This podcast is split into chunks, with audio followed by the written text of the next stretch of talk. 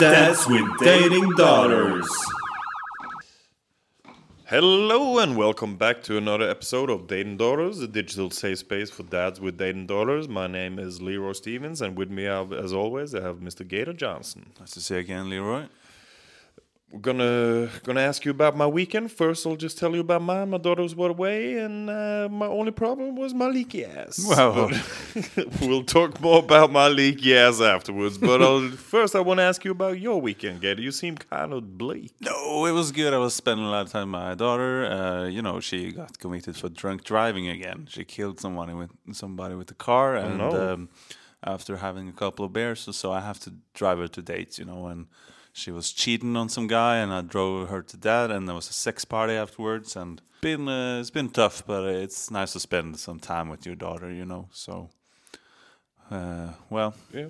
So, but you're okay. You seem kind of dark. Well, I thought about killing myself Yeah. uh, again, uh, but then I thought, uh, you know, who's gonna drive my daughter to dates if uh, if I if I die? So True. It's true. so uh, I put the gun down and uh, we drove to another date.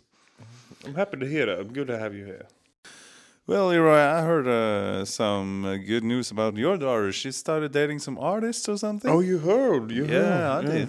Yeah, she's dating this Taiwanese American performance artist who is most known for defecating in the streets in the 70s in New York. Yeah, his name is Sishun Che. He spent a year in a cage in 79. In 81, he uh, spent a year out in the streets, but was caught by the police after nine months of hmm. defecating in the streets. Hmm. Then he punched the time clock for every hour for a whole year in 86. And in 1992, he tied himself to a woman for a whole year. Didn't get along. Hmm. and hasn't been active since. Well, that sounds just uh, awful. He sounds like uh, uh, an insane person. Uh, well, it actually reminds me of something else. Uh, I read about a daughter that was uh, kidnapped by some some crazy guy, and uh, Oh. she, the da- dad, you know, he tried to to save her, and then she developed that Stockholm syndrome, you know. So she fell in love, and now they're traveling all around the world, uh, kidnapping uh, other daughters, you know, and. Sounds to me like uh, it's kind of a hostage uh, situation you got on your hands, Leroy. Yeah. Well, uh, Leroy, I think it's time for the questions of the week. Yeah, but first, Gator, I just want to ask you a question because there's some rumors going around that you've been spending up all your money on your daughter and now you've been started texting gay boys for money? Sending pictures of your open ass and everything and shaking your booty for them Benjamins? W- well, uh, uh, there was probably some kind of cyber attack on my computer. Oh, Uh, some Chinaman and uh, Chinese military, uh, they Wow. uh, sent some kind of computer virus and uh, hacked my computer, and they used one of them uh, uh, AI computers to tell lies about my ass and my sexuality. Is that so? Yes, ma'am. Okay. Well, I don't think it's uh, we need to talk anymore about those sexual Chinese lies. Let's go on ahead to our questions of the week. Hello, lads.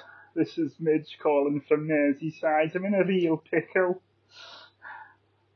I love the show, I listen all the time, and I'm crying out for help because I have a daughter and she's having. She's.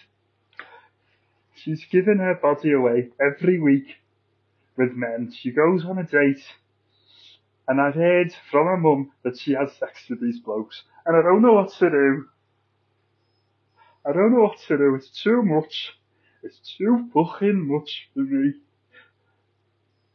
You've got to help. Thanks, lads.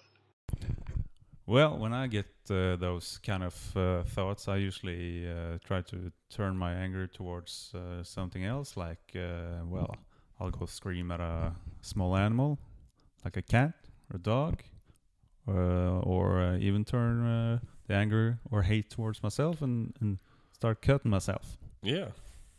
We could. Some other things you could do is to try listening to deadmau5, converting to Islam, take a vacation to Mozambique. Oh. Or maybe you could just try doing something completely different, like doing something nice with your daughter. Take her out for a meal or something.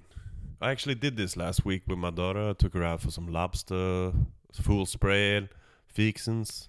Um, she had it all, but she she had actually ended up eating nothing of it because she spent all her time in the toilet watching Grand Budapest Hotel on her iPhone. So there was no talking really, but. Uh, so yeah, so what we're saying here is that maybe there's no right answer. Well, I guess not. Let's go ahead with our next question. Hi guys, this is Fabian calling. Love the love the show. Listen every week. Have a question for you guys. I have a uh, Mazda 929 1987 model. It's a 1.8 liter engine, 50,000 k's on the speedometer. If you want to put the word out, I'll take it for 6,000 pounds or 5,000 cash. Thanks, guys. That sounds like a great deal. Uh, I'm actually looking for a new car because uh, I was out sitting in my, you know, that gay yellow car of mine. I was uh, sitting outside McDonald's crying yesterday, and some of the neighborhood youths uh, started shooting at me with their machine guns. Whoa. Got hit in the head, my Whoa. ass, my knee, my toes.